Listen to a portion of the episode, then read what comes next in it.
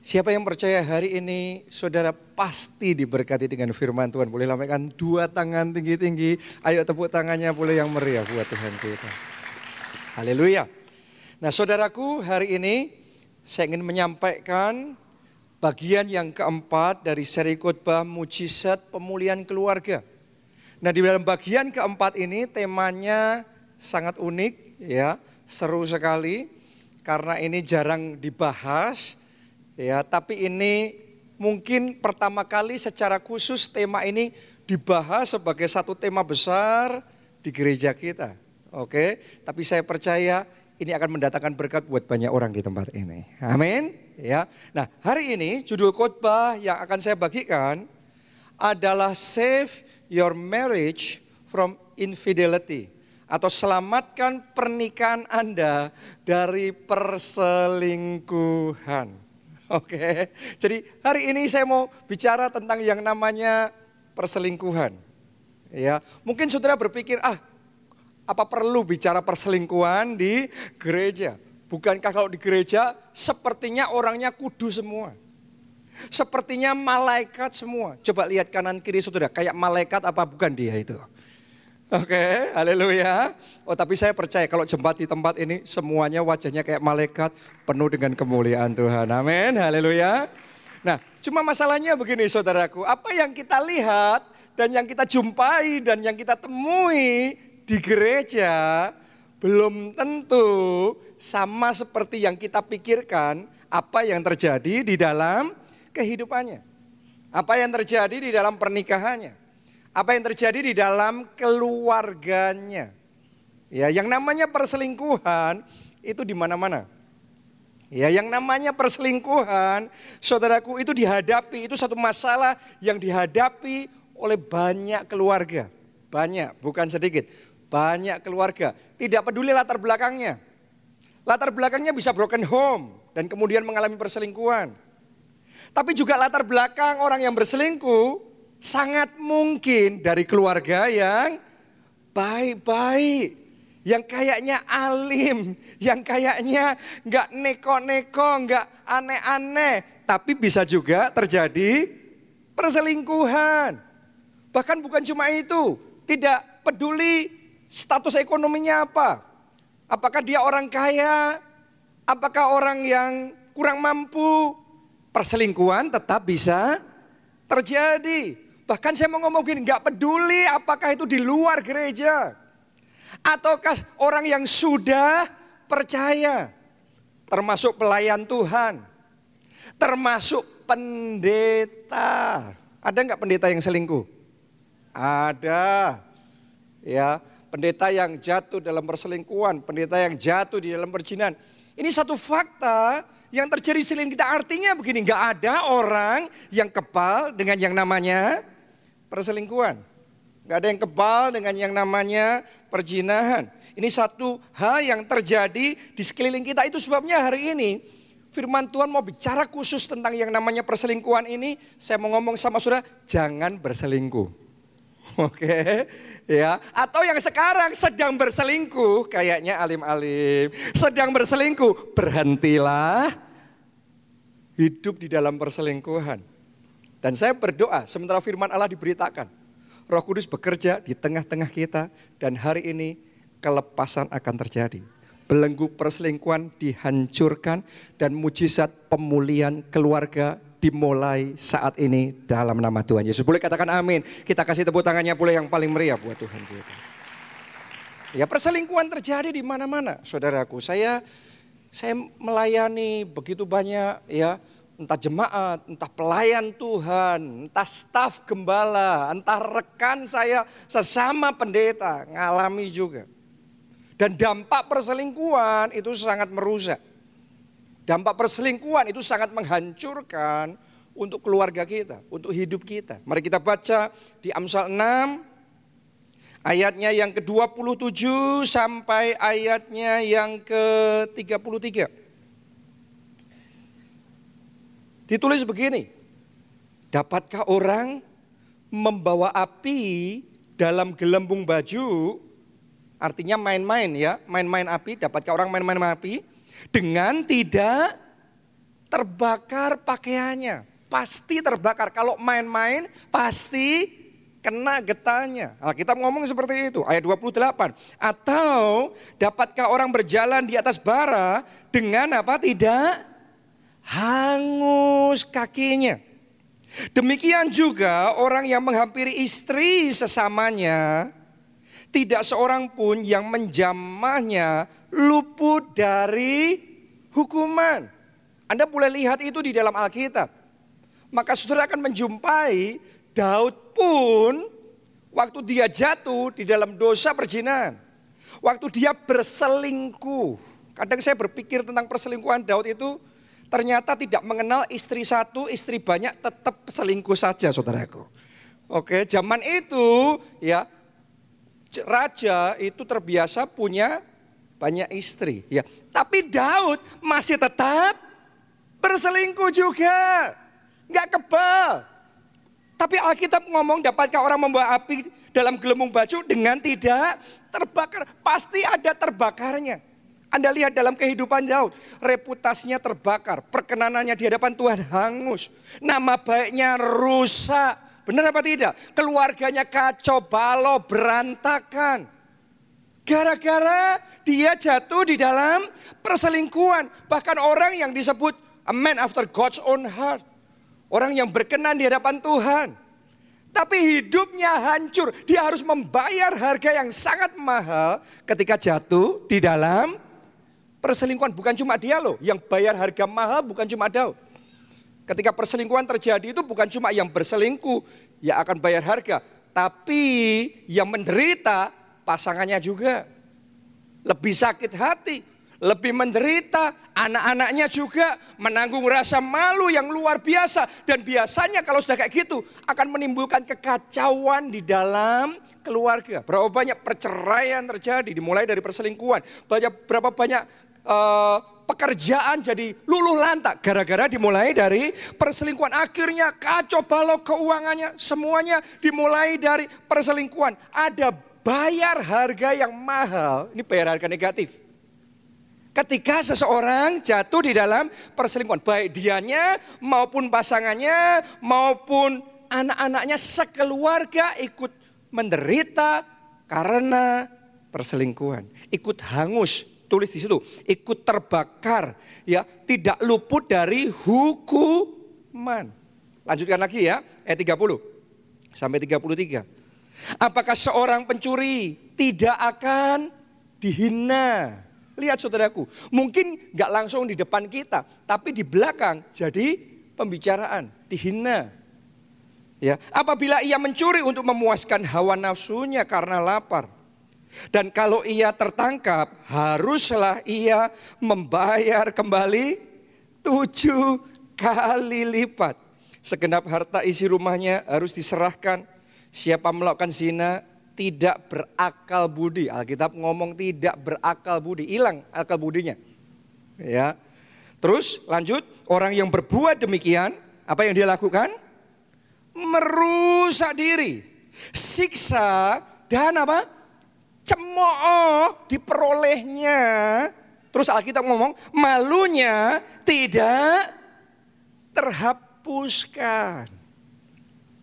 Ini konsekuensi dari dosa, konsekuensi dari yang namanya perselingkuhan.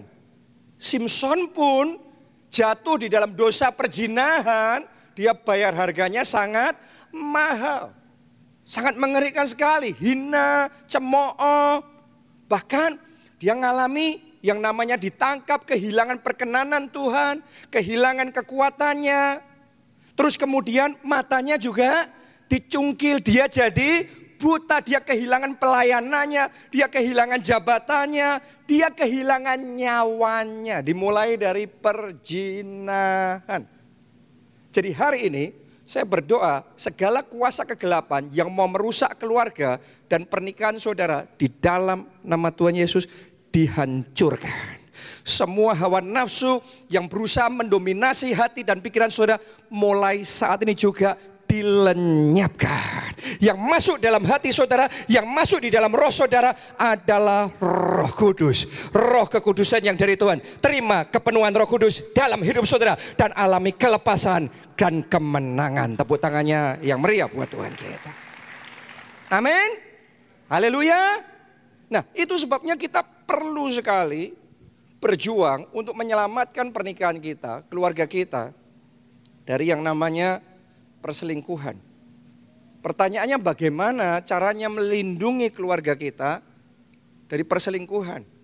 Ya termasuk Anda yang baru saja menikah pun ya saudara mesti belajar ini ya melindungi dari perselingkuhan. Ya ada dua poin yang saya mau bagikan tentang bagaimana menyelamatkan pernikahan kita dari perselingkuhan. Yang pertama, protect your imagination.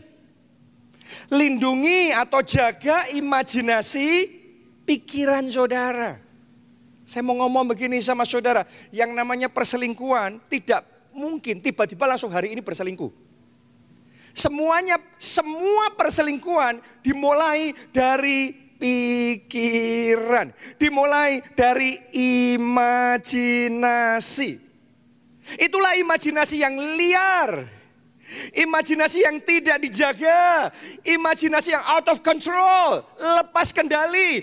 Imajinasi yang seperti itu yang akan membawa seseorang jatuh dalam perselingkuhan. Gak ada yang tiba-tiba kilaf hari ini langsung berselingkuh. Gak ada. Semuanya dimulai dari berselingkuh dulu di pikiran. Setelah itu baru kemudian berselingkuh secara tindakan. Yes, itu sebabnya sumbernya di sana. Karena itu supaya kita selamat pernikahan kita dari perselingkuhan. Jaga imajinasi saudara.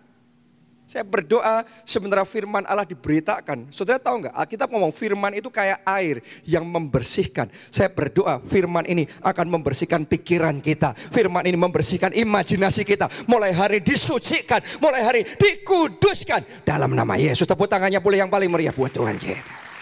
Mari kita baca Matius 5 ayatnya yang ke-27 sampai ayat yang ke-28.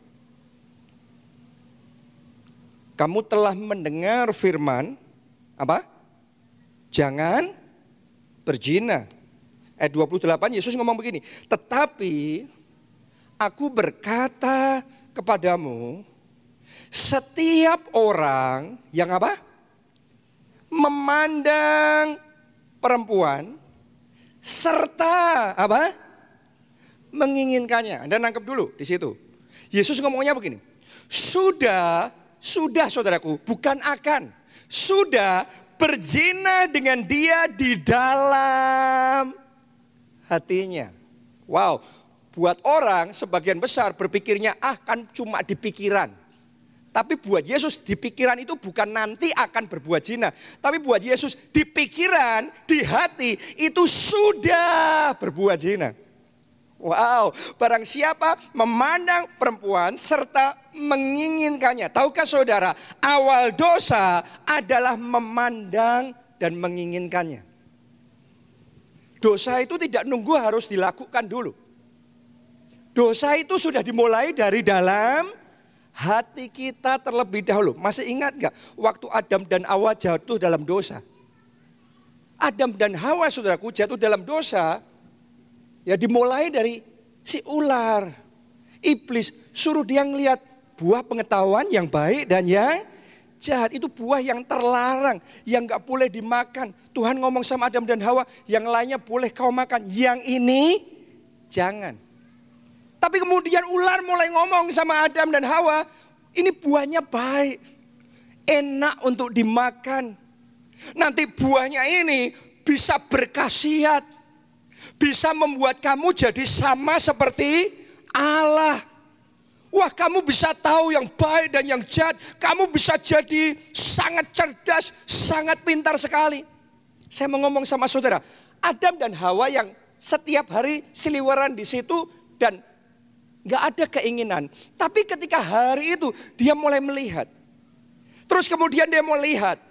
Mulai dia pandang lagi. Dia pandang, dia mulai pikirkan. Semakin dia melihat, semakin dia menginginkan.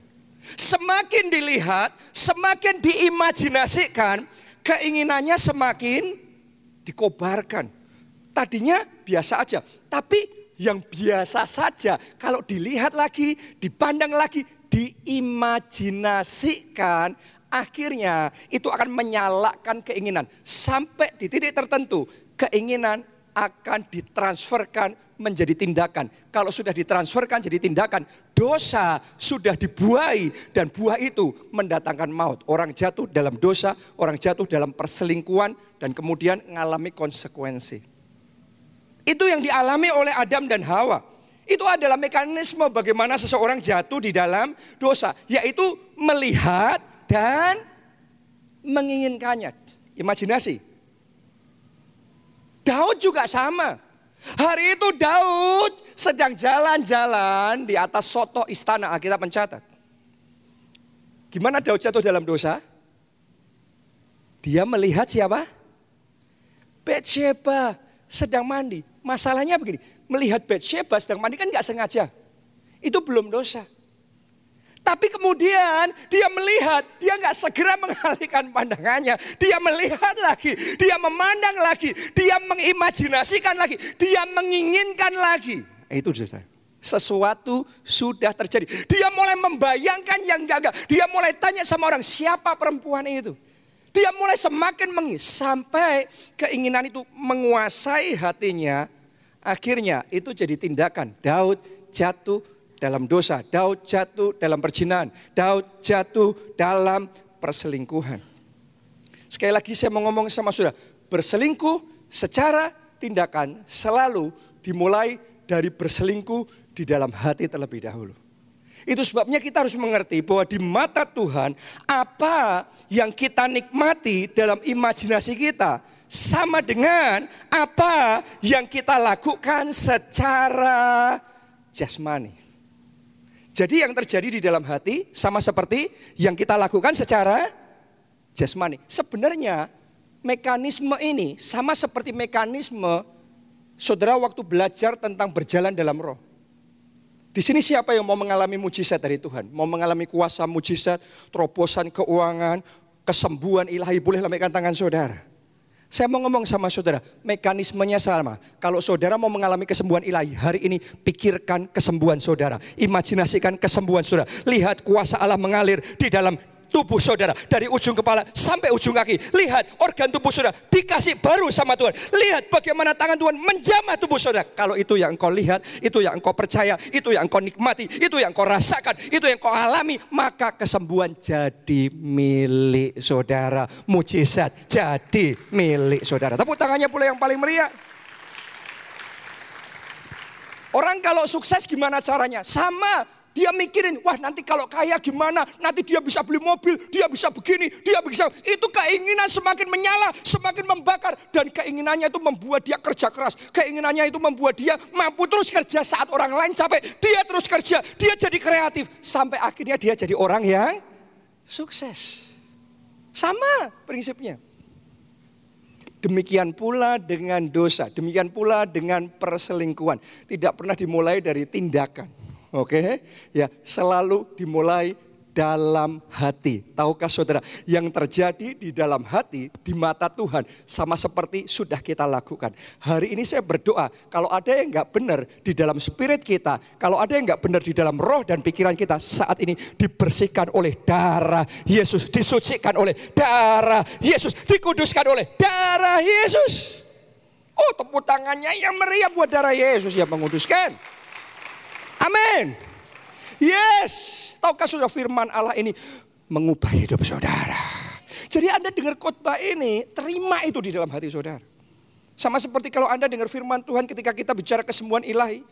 Saya katakan dalam nama terima kesembuhan saudara. Anda terima itu demikian juga sekarang terima pengudusan pikiran saudara. Yes, ada kuasa di dalam firman Tuhan. Jadi protect your imagination. Lindungi imajinasi saudara. Ya, dan imajinasi kita itu sangat dipengaruhi dengan apa yang masuk di dalam pikiran kita. Oke, makanya orang kalau mengalami kesembuhan ilahi, kuasa Tuhan yang harus masuk di pikirannya apa? firman Allah. Anda terima firman Allah, Anda terima kuasa yang daripada Tuhan. Yes. Nah tapi di dalam hal imajinasi ini, saudara harus ngerti. Ya, ada hal-hal yang akan mempengaruhi imajinasi kita. Majalah yang kita baca. Video yang suka saudara tonton. Yes.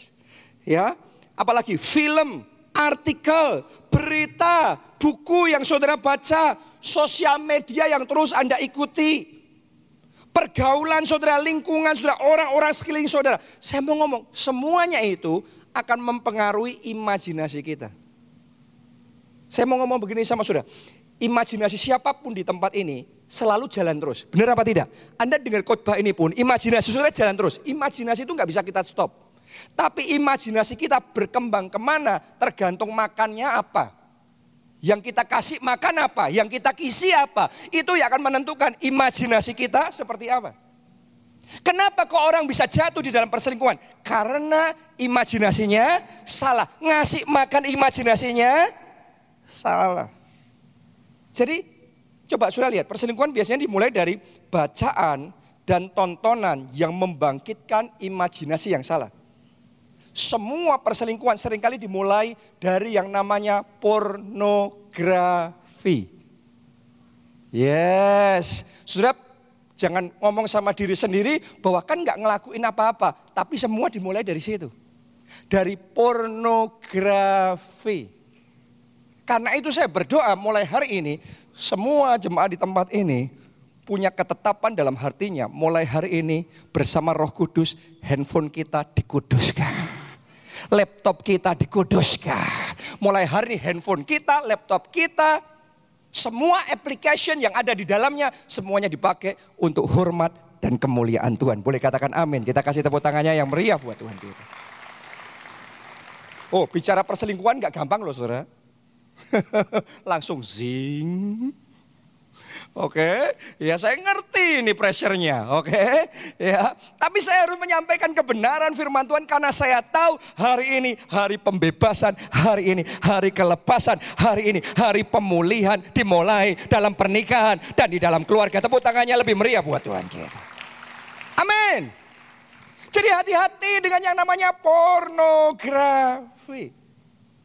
Kalau saudara suka nonton pornografi, saya jamin yang terjadi adalah kalau saudara berinteraksi sama lawan jenis, baru salaman, baru kenalan, terus langsung muncul bayangannya nggak benar. Imajinasinya nggak benar. Kenapa? Karena ngasih makannya salah, bacaannya salah. Mulainya dari bacaan, dari tontonan kita. Yang kedua, sosial media yang membangkitkan imajinasi yang salah. Saya sudah mengamati orang yang berselingkuh dimulai dari rajin ngirim like sama lawan jenis. Khususnya orang-orang tertentu terus memuji fotonya. Secara rutin chatting terus. Apalagi hati-hati ya. Bukan suami istri sudah menikah sama-sama sana sudah menikah, tapi kalau malam ngomong good night-nya bukan sama suaminya atau istrinya sendiri, tapi suaminya orang lain. Istrinya orang lain. Saya mau ngomong sama saudara, itu ciri-ciri sudah dimulai itu. Jadi jangan ngomong nggak apa-apa, nggak apa-apa, kan cuma selamat malam. Bet bobo ya. Aduh langsung kelepek, kelepek, kelepek, kelepek.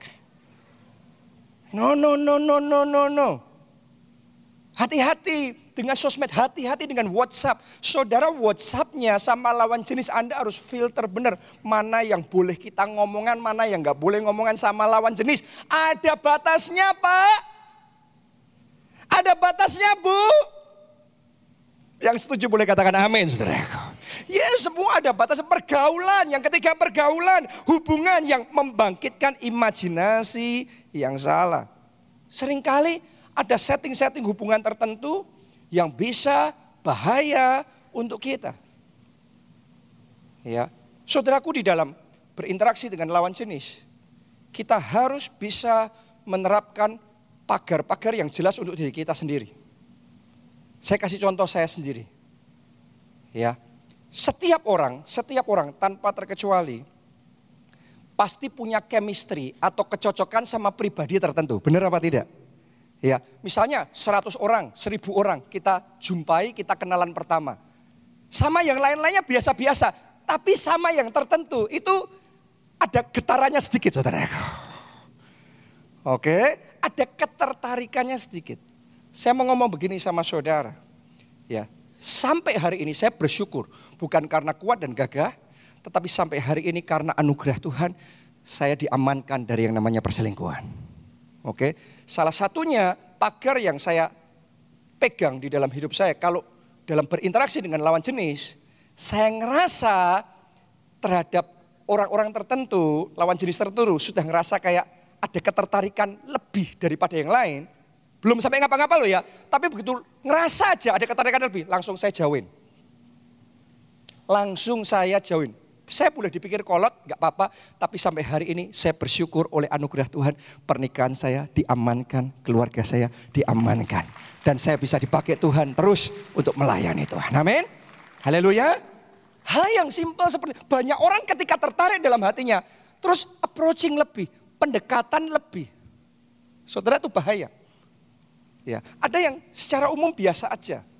Ada yang secara umum itu kita lebih tertarik. Nah, yang kayak gitu, itu saudara harus kasih tanda besar-besar di dalam benak saudara, kata nenek bahaya gitu saudara.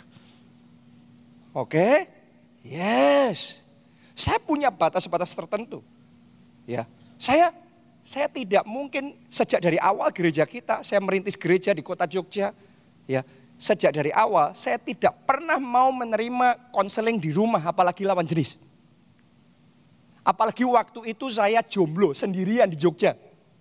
Di rumah sendirian, bayangin. Kalau saya konseling dengan lawan jenis. Pak Jonathan.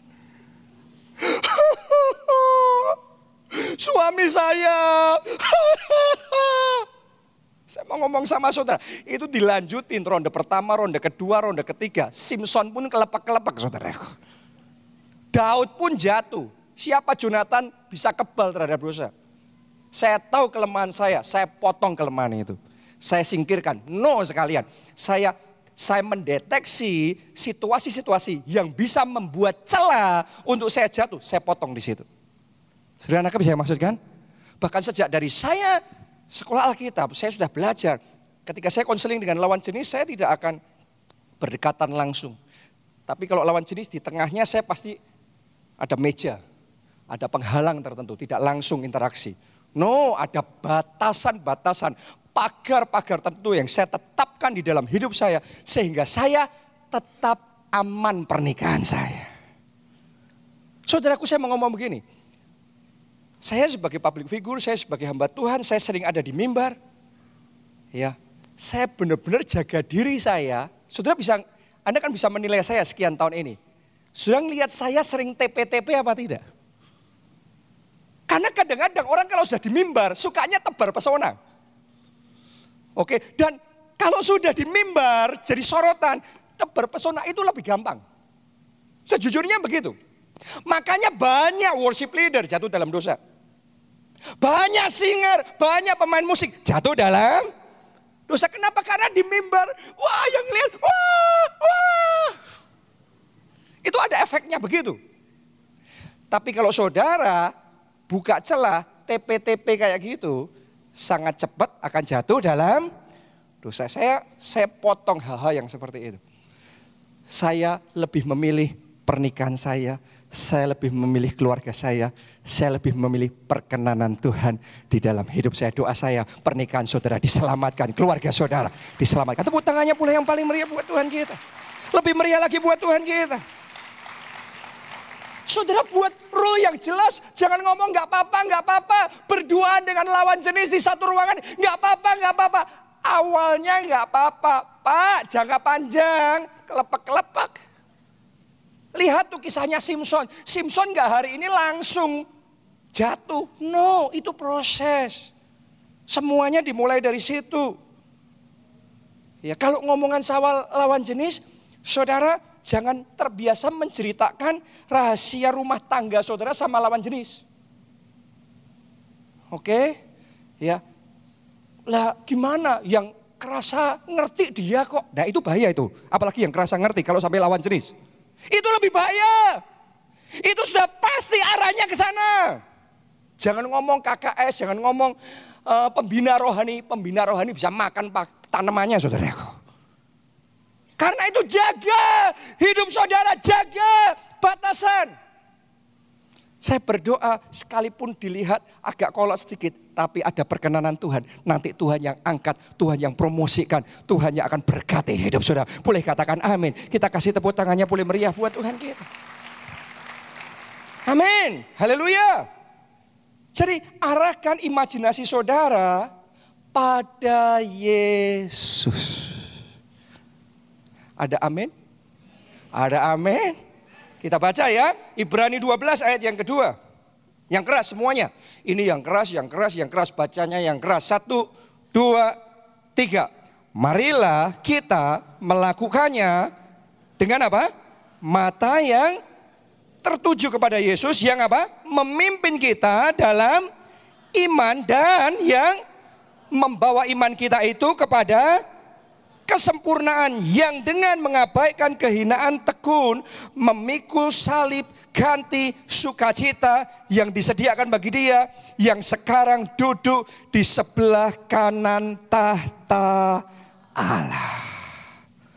Kalau imajinasi saudara, fokus saudara, mata rohani saudara tertujunya sama Yesus, saya yakin Yesus yang menguduskan pikiran kita, Yesus yang menguduskan hati kita, Yesus yang menguduskan bayangan-bayangan dalam benak kita.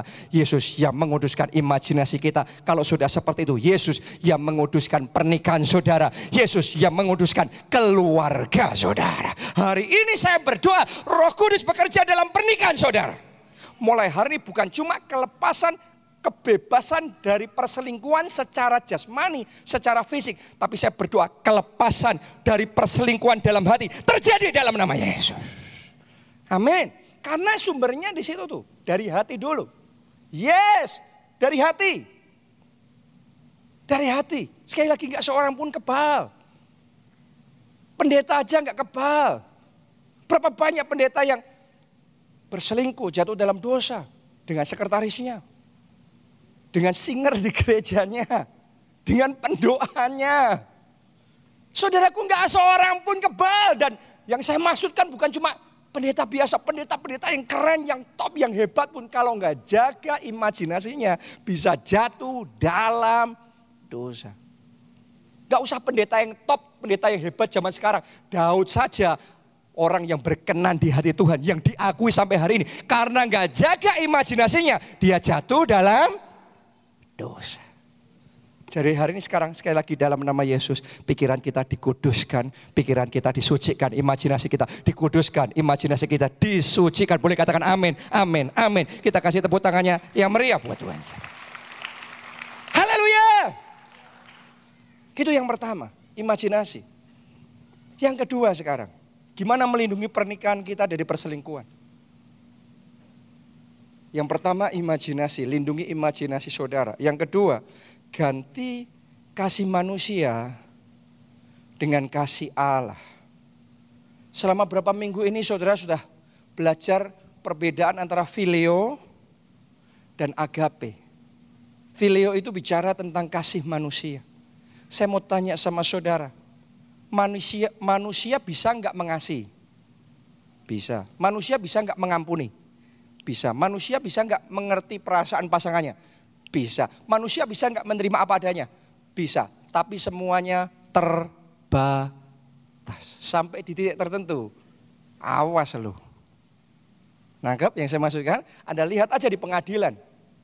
Berapa banyak pasangan-pasangan yang tadinya dilarang nikah sama orang tuanya aja nekat. Kenapa? Karena cinta. Tapi setelah nikah dilarang sama firman Tuhan aja nekat cerai. Coba saudara renungkan, itulah kasih manusia, itulah fileo, mengasihi bisa, janji bisa, mengampuni bisa, semua bisa. Tapi terbatas, kalah sama egoisnya.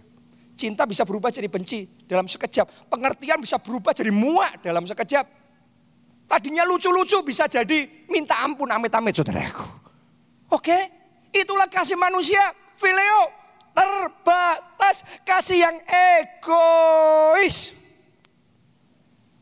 Tapi Tuhan Yesus ketika datang di dunia, dia memperkenalkan satu jenis kasih, namanya adalah agape. Yaitu kasih Allah. Ini adalah kasih yang diperkenalkan oleh Tuhan Yesus. Dan saya percaya, saya juga berdoa hari ini hati kita semua dipenuhi dengan kasih agape yang daripada Tuhan. Amin. Kita semua punya kasih filio, tapi kasih agape berasalnya dari Tuhan. Saya berdoa kepenuhan roh kudus turun dalam hidup saudara. Kepenuhan kasih Allah mengalir dalam hati saudara. Sehingga hati kita semakin dipenuhi dengan kasih agape yang daripada Allah. Kasih Allah, kasih yang tanpa syarat. Apalagi saudara di sini kebanyakan sudah lahir baru. Waktu kita percaya sama Yesus, ya kita ngalami yang namanya lahir baru. Lahir baru di dalam Allah, di dalam roh. Padahal Allah itu adalah kasih. Berarti kalau kita lahir baru, maka kita lahir di dalam kasih. Berarti waktu saudara percaya sama Yesus, sesungguhnya Anda sudah lahir di dalam kasih. Sesungguhnya benih agape sudah ada dalam spirit kita.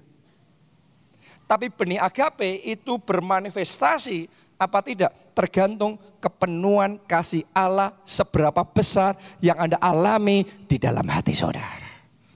Itu sebabnya hari demi hari kita perlu bertumbuh di dalam kasih Allah ini. Sehingga kita bisa mengalami yang namanya kepenuhan kasih Allah ini dan memanifestasikan lebih lagi di dalam pernikahan kita, di dalam keluarga kita.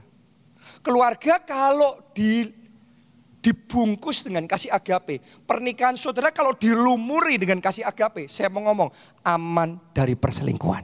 Karena kasih Allah yang memagari saudara. Kasih Allah yang menjaga pernikahan saudara. Kasih Allah yang membuat pernikahan Anda tambah indah, tambah manis, dan tambah bahagia. Kuncinya apa? Kasih agape. Kasih Allah itu. Ya saya bersyukur sekali berapa hari yang lalu waktu saya ke Solo dan saya ketemu sama Pak Obaja, saya duduk dan ngobrol sama Pak Obaja.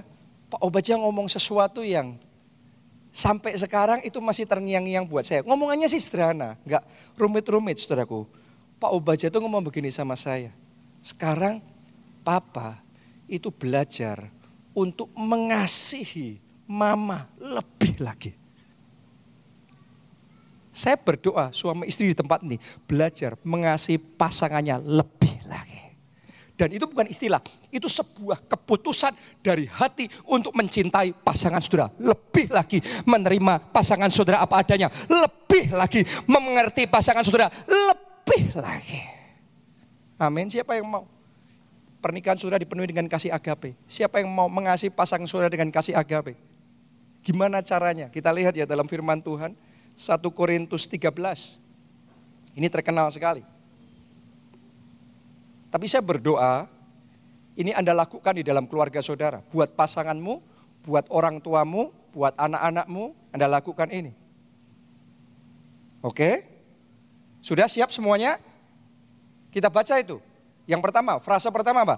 Kasih itu sabar. Jadi yang tadi waktu mau ke gereja, sempat bertengkar, ingat. Kasih itu sabar. Yang sering kali ngomong, aku cinta kok. Aku cinta kok. Nah kalau cinta itu bukan istilah cinta. Bukan cuma ngomong cinta. Cinta, kasih itu sabar. Waktu Anda sabar itulah kasih. Jadi saya berdoa suami di tempat ini lebih sabar kepada istrinya. Istri di tempat ini lebih sabar kepada suaminya. Orang tua dan anak saling lebih sabar satu dengan yang lain. Karena itulah kasih. Mau nggak mau, diakui nggak diakui. Ada banyak hal yang membuat kita harus belajar lebih sabar di dalam keluarga. Betul apa tidak? Perbedaan yang ada, pemikiran ini, pemikiran itu, situasi macam-macam. Itu bisa memancing kita.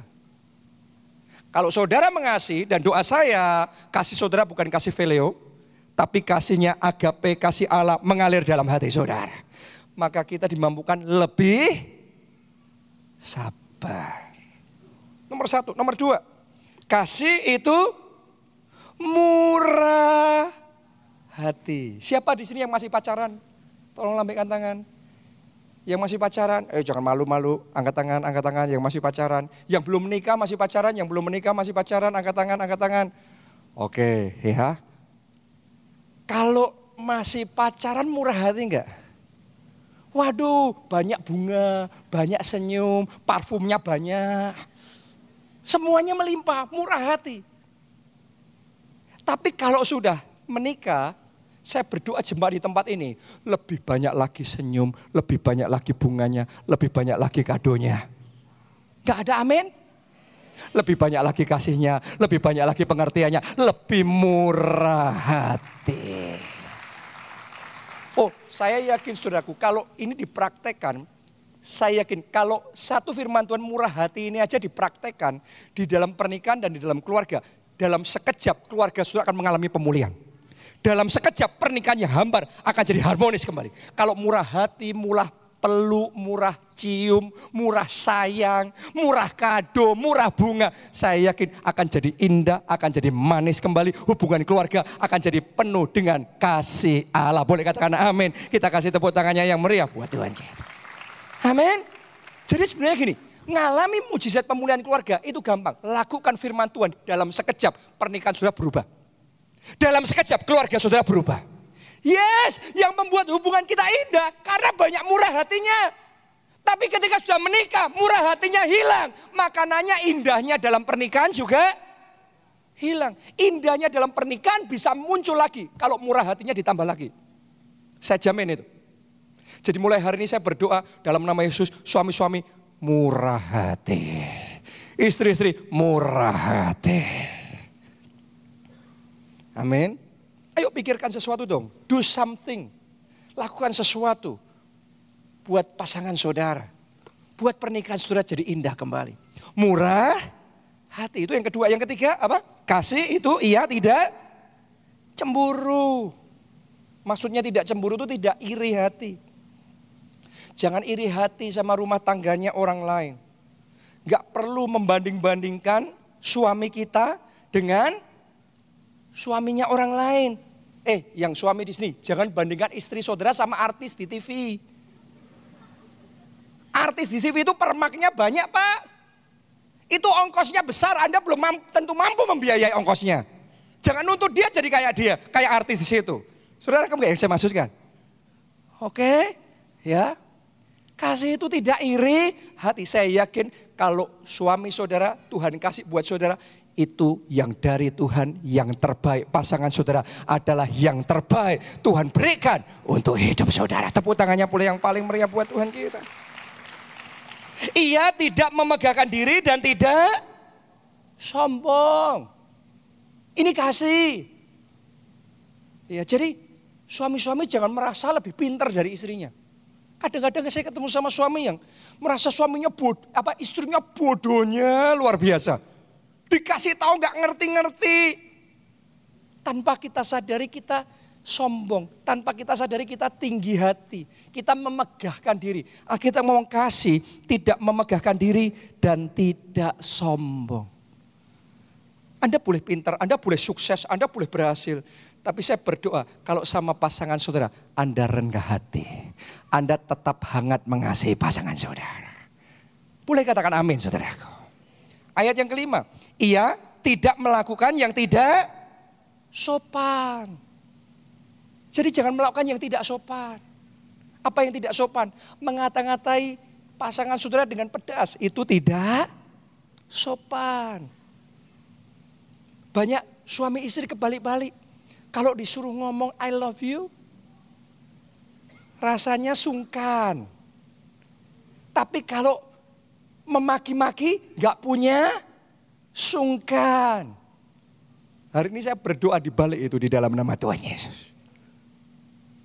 Boleh katakan amin saudara. Dan tidak mencari keuntungan diri sendiri. Artinya apa sih? Sesimpel gak cari menang sendiri. Saya tuh yakin ya kalau kita bisa melakukan satu firman Tuhan ini aja. Pasti semua pertikaian dalam keluarga kita selesai Semua pertikaian itu nggak selesai kenapa? Karena cari menang sendiri. Kalau kita cari menangnya pasangan kita, ya sudah kan selesai pertikaiannya. Cari menangnya keluarga kita, ya sudah kan. Kita kan sudah nggak punya kepentingan, selesai. Jadi sebenarnya pemulihan keluarga sebenarnya keputusan di tangan kita. Dan hari ini saya berdoa Tuhan memampukan saudara. Tuhan memampukan kasih Allah mengalir di dalam hati saudara. Amin. Lanjutkan lagi. Ia tidak pemarah. Ini kasih agape. Jadi yang suka uring-uringan di keluarga mulai hari ini, mari kita minta bensin kasih Allah terus mengalir di dalam hati kita supaya kita dimampukan sabar. Lanjutkan lagi. Dan tidak menyimpan kesalahan orang lain. Nah ini khususnya saya mau ngomong sama yang wanita ganti ini. Ya, karena kadang-kadang yang wanita saudaraku sering kali itu kesalahan suami sudah 15 tahun yang lalu masih bisa detil diceritakannya loh. Kalau mungkin itu bisa detil sekali suami yang ngelakuin aja sudah lupa. Istrinya kalau nyeritain wah menghayatinya luar biasa. Tapi Anda harus sadar firman Tuhan berkata, kasih tidak menyimpan kesalahan orang lain. Doa saya, kesalahan suami saudara mulai hari ini dilenyapkan. Tidak ada lagi di dalam hati saudara. Dibuang jauh-jauh sama seperti Tuhan mengampuni dosa-dosa kita. Kita juga mengampuni kesalahan pasangan kita. Boleh katakan amin. Kita kasih tepuk tangannya boleh yang paling meriah buat Tuhan kita. Ia tidak bersuka cita karena ketidakadilan tetapi karena kebenaran. Ia tidak menut ia sorry ayat 7 ia menutupi segala sesuatu, percaya segala sesuatu, mengharapkan segala sesuatu, sabar menanggung segala sesuatu. Ini kasih agape. Saya yakin kalau kita lumuri, penuhi, lingkupi pernikahan kita dengan kasih agape, makin hari pernikahan kita makin indah. Makin hari pernikahan kita makin harmonis. Dan kalau sudah kayak gitu, ini pagar yang aman. Iblis susah mencari celah, menggoda, sehingga kita jatuh di dalam perselingkuhan. Saya berdoa sekali lagi di dalam nama Yesus semua godaan dari iblis, semua serangan-serangan untuk menjatuhkan pernikahan dan keluarga saudara saat ini juga dipatahkan. Saat ini dihancurkan. Saya berdoa di dalam nama Yesus roh perjinan, roh perselingkuhan dilenyapkan di dalam nama Yesus. Kekudusan Allah mengalir dalam hidup saudara. Saya mau ngomong begini, kalau ada di tempat ini, saudara yang sudah terlanjur jatuh dalam perselingkuhan, ambil keputusan bertobat dan tinggalkan dosa. Oke? Haleluya. Atau kalau saudara dalam posisi pasangan saudara yang berselingkuh, yang sudah buat salah, saya ajak saudara, jadi rekannya Tuhan. Berbesar hati, biarlah hatimu dipenuhi dengan kasih Allah. Sehingga engkau bisa mengampuni. Saya melihat ketika Tuhan mau bekerja dalam pernikahan dan di dalam keluarga, sering kali kita yang jadi penghambat, pemulihan terjadi. Pasangan kita, Tuhan mau jamah mau pulihkan. Dia sudah buat salah, Tuhan mau jamah mau pulihkan. Tapi sering kali kadang-kadang kita yang susah. Benar mungkin dia sudah ngulangin itu. Mungkin sudah dua kali atau ketiga kalinya atau keberapa kali. Tapi saya mau berkata sama saudara, biarkan kasih agape dari Tuhan mengalir dan memenuhi hati saudara. Memang gak gampang, namanya pernikahan gak gampang. Kita berurusan sama manusia. Tapi kasih Allah membesarkan hati saudara. Kasih Allah membuat yang sesak jadi lapang. Kasih Allah membuat yang hambar jadi manis. Kasih Allah membuat yang sukar jadi mudah. Kasih Allah memampukan. Dan saya mau berdoa hari ini.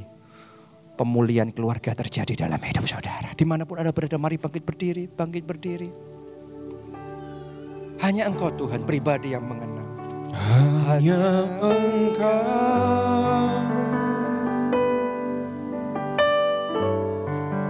Pribadi yang mengenal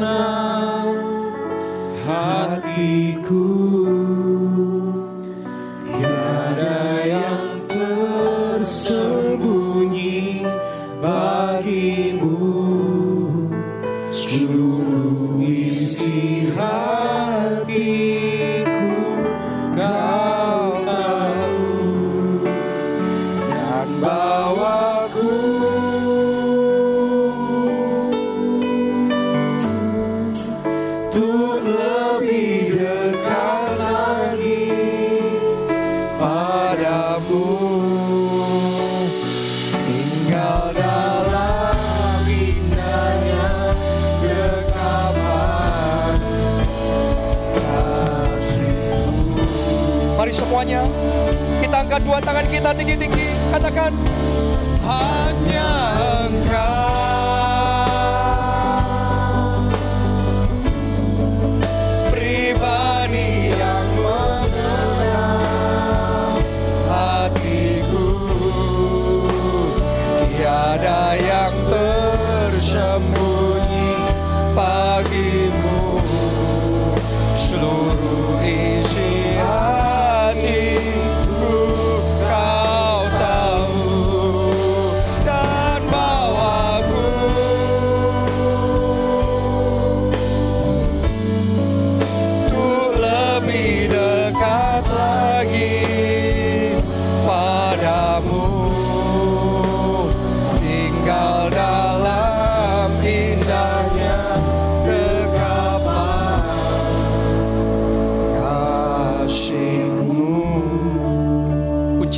pertama adalah roh kekudusan itu masuk dan memenuhi hati kita kalau kita mau diamankan, keluarga pernikahan kita diamankan dari perselingkuhan.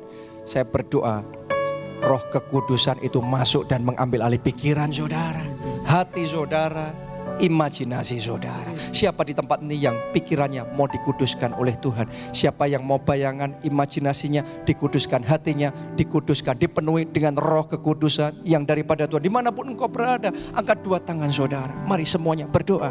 Mari semuanya berdoa. Angkat suara. Ho rataka pasya. Cikira la pasya. Ora la pakasya. Pakasya. Syarataka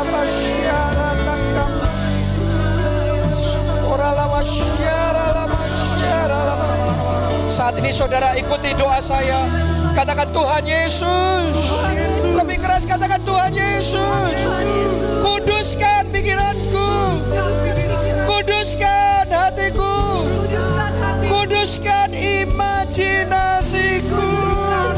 Mari semuanya berdoa, semuanya berdoa. Darah Yesus, darah Yesus menguduskan saat ini dalam nama Yesus. Semua imajinasi-imajinasi yang salah mulai hari berhenti.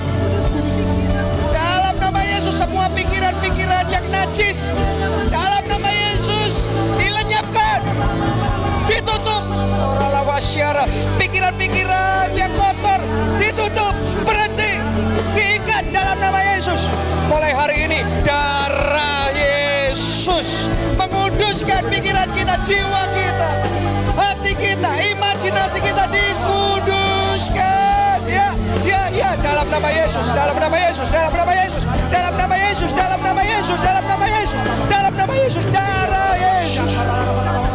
Firman Allah menguduskan, menguduskan pikiran, menguduskan hati, menguduskan perkataan, menguduskan pernikahan, menguduskan keluarga kita dikuduskan. Mengalir, mengalir, mengalir, mengalir. Terima saudara, terima, terima, terima, terima, terima. Roh yang takut akan Allah. Pertobatan, roh pertobatan bekerja sani, bekerja, bekerja. Saudara yang ada dalam perselingkuhan, minta ampun, minta ampun. Bertobat dan tinggalkan dosa segera, sekarang. Bertobat, bertobat, bertobat. In the name of Jesus. In the name of Jesus. In the name of Jesus. Oh. Yes. Yes. Yes. Yes. Jesus. Jesus. Yang kedua, siapa yang mau hatinya dipenuhi dengan kasih agape? Karena kasih fileo, kasih manusia tidak sanggup. Kasih Allah itu yang membuat pernikahan kita jadi manis. Itu yang membuat situasi yang susah jadi mudah. Itu yang membuat pengampunan bisa dilepaskan. Itu yang membuat pemulihan bisa terjadi. Saya mau berdoa supaya mujizat pemulihan keluarga terjadi di dalam keluarga saudara. Dengan kasih Allah itu mengalir. Di mana pun kau berada, angkat dua tanganmu. Katakan Tuhan. Lebih keras katakan Bapa. Kubuka hatiku. Penuhi aku dengan kasihmu, dengan kasih agape. Pulihkan pernikahanku, pulihkan keluargaku. Mari angkat suara sudah berdoa, berdoa, berdoa. Mengalir kasih itu.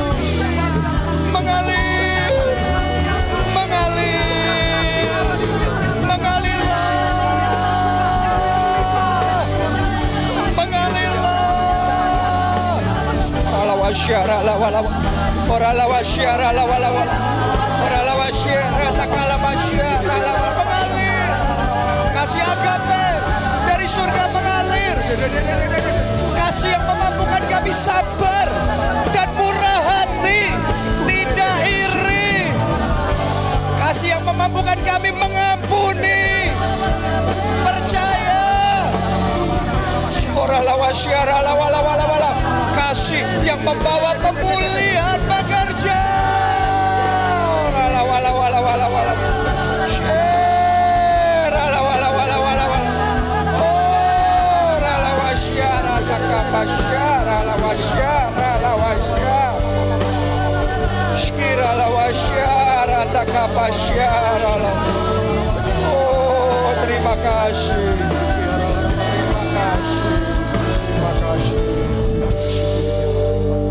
Terima kasih Tuhan. Saya yakin Tuhan sedang bekerja di dalam keluarga saudara. Dan saya percaya bulan ini pemulihan-pemulihan keluarga terjadi di tempat ini, terjadi dalam hidup saudara, terjadi dalam keluarga saudara. Saat ini saudara, saya juga ingin berdoa buat saudara yang ada sakit penyakit dalam tubuh saudara. Karena saya tahu Tuhan ada di tengah-tengah kita. Dan kesembuhan bisa terjadi. Tapi sebelum itu, Anda bisa buka mata sebentar. Saya ingin cerita satu dua kesaksian. Ada satu jemaat di tempat kita yang sejak tahun lalu mengalami masalah demi masalah yang banyak. Pertama, bisnis suaminya bangkrut. Yang kedua, suaminya selingkuh dan meninggalkan keluarga. Yang ketiga, dia mengalami sakit ginjal akut. Oke, jadi ini bertubi-tubi. Tapi dia bersyukur karena dia punya teman-teman yang menguatkan di dalam kelompok sel. Saya berdoa saudara ikut kelompok sel. Anda nggak sendirian menghadapi semuanya. Ada saudara seiman, ada keluarga rohani yang akan menguatkan saudara kembali. Amin. Ya, dia dikuatkan terus. Sampai dia mulai dapat rema dari Tuhan di gereja kita tentang doa profetik. Dia tangkap rema tentang doa profetik. Bahkan bukan cuma itu, tapi dia juga doa puasa. Padahal dia punya masalah dengan kesehatannya, tapi dia doa puasa. Bahkan doa puasa 50 hari. Luar biasa saudaraku, kuasa Tuhan bekerja. Walaupun awalnya tantangannya banyak. Hampir satu bulan penuh tidak bisa bangun, hanya bisa terbaring di tempat tidur karena sakit ginjal. Ya dan dokter ngomong ini kemungkinan besar harus cuci darah. Jadi dia takut berhadapan dengan maut karena anak-anaknya masih kecil. Tapi yang luar biasa, ketika dia mulai praktekkan doa profetik, dia mulai tengking sakit penyakit dalam nama Yesus. Dia mulai dikerasikan oleh bilur-bilur Kristus. Ginjalku sudah disembuhkan. Ginjalku dijadikan baru oleh Tuhan. Luar biasa, kuasa Allah bekerja. Dia mulai bisa bangkit dari tempat duduknya, tidurnya. Dia mulai bisa beraktivitas. Suatu saat tiba-tiba dia ngerasa sakit sekali di perutnya. Ya, dia pikir itu sakit haid biasa karena memang dia sedang haid pada waktu itu. Ya, terus dia ke kamar mandi dan kemudian pada waktu itu ya keluar darah saudaraku. Sakit perut sampai keluar darah tapi darahnya nggak cair. Darahnya itu kayak berupa gumpalan-gumpalan. Dia ngomong kayak ada lendirnya minta maaf seperti kayak gaji yang keluar. Ya. Terus itu keluar banyak keluar banyak. Sampai setelah itu dia ngerasa plong di perutnya dan nggak sakit lagi. Dia penasaran apa yang terjadi. Dicek saudaraku dia kaget, dia ngomong gini, mata saya tidak berkedip. Dari yang awal tes lab pertama, ginjal masih 70 persen. Cek kedua 50 persen. Cek ketiga 30 persen. yang terakhir 0% dinyatakan sembuh total. Kuasa Tuhan sanggup menyembuhkan. Saya percaya kalau ada yang salah di dalam ginjal saudara, di dalam organ, dalam internal saudara, saat ini juga kuasa Tuhan bisa menjamah di mana pun anda berada dan kesembuhan bisa terjadi. Saya bisa merasakan saat ini ada orang di tempat ini yang Roh Kudus gerakkan saudara untuk doa buat orang yang anda kasih. Orangnya nggak ada di tempat ini, tapi anda berdoa dari tempat ini. Roh Kudus akan bekerja menjamah orang itu dan kesembuhan ilahi akan terjadi. Yang percaya boleh katakan amin. Tepuk tangan buat Yesus yang menyembuhkan, Yesus yang berkuasa untuk menyembuhkan. Ada lagi satu, seorang jemaat di gereja kita datang membawa ibunya yang sudah tua, umurnya 78 tahun, sudah dua tahun lumpuh, tidak bisa berjalan. Jadi dua tahun nggak bisa berjalan. Terus matanya kena glukoma, ya dioperasi dua kali, tetapi malah semakin buruk sampai akhirnya buta. Jadi kondisinya lumpuh dan apa? Buta. Tapi kemarin waktu KKR pencurahan Roh Kudus, anaknya dia ini saudaraku, ya datang ke gereja kita di sini, ya terus kemudian maju minta didoakan, minta ibunya didoakan, terus didoakan, diajarin juga doa profetik. Jadi diajarin, anaknya diajarin disuruh doain mamanya sendiri. Akhirnya pulang. Sejak saat itu mulai doa profetik dalam nama Yesus. Berjalan dalam nama Tuhan Yesus melihat dia doa profetik luar biasanya. Kan kakak pencurahan roh kudus belum lama kan? Ya, dalam waktu tiga hari ibunya yang sudah dua tahun lumpuh itu secara ajaib tiba-tiba bisa duduk, kemudian berdiri, dan bahkan bisa berjalan sampai kaget semuanya. Tiba-tiba jalan begitu saja. Dan kemudian pada hari yang sama, jadi di hari yang sama, ya secara ajaib juga matanya yang sudah buta tiba-tiba bisa pegang gelas teh hangat, kemudian bisa bisa komentar, loh ini warna tehnya kok coklat kekuningan. Jadi sekejap hari itu juga dia bisa melihat kembali. Yang lumpuh bisa berjalan, yang buta bisa melihat kembali. Anda percaya kuasa Tuhan bisa bekerja dan menyembuhkan sakit penyakit di mana benar berada angkat dua tangan saudara. Mari doa semuanya rala pasya. Oh, Kuasa Tuhan sanggup menyembuhkan orang lain. Tuhan juga sanggup menyembuhkan saudara. Tuhan juga sanggup menyembuhkan orang yang Anda doakan. Semuanya bahasa roh.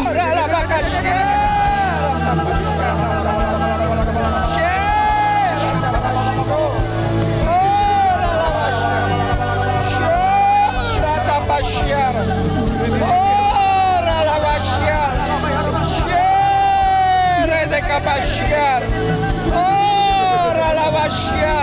Oh. Sekarang tumpang satu tangan pada bagian yang sakit dan yang satu tangan lagi saudara angkat di hadapan Tuhan. Kalau saudara mendoakan seseorang, angkat dua tangan saudara, angkat dua tangan saudara. Oralawakasyarata saat ini juga di dalam nama Tuhan Yesus sakit penyakit apa pun yang ada di dalam tubuh anak-anak Tuhan di tempat ini atau yang mereka doakan. Saat ini di dalam nama Tuhan Yesus sakit penyakit itu dilenyapkan. Kami deklarasikan oleh bilur-bilur Kristus kesembuhan terjadi. Ya, terima terima terima. Kesembuhan terjadi terjadi. Sekarang terima kuasa Allah. Rasakan kuasa Allah.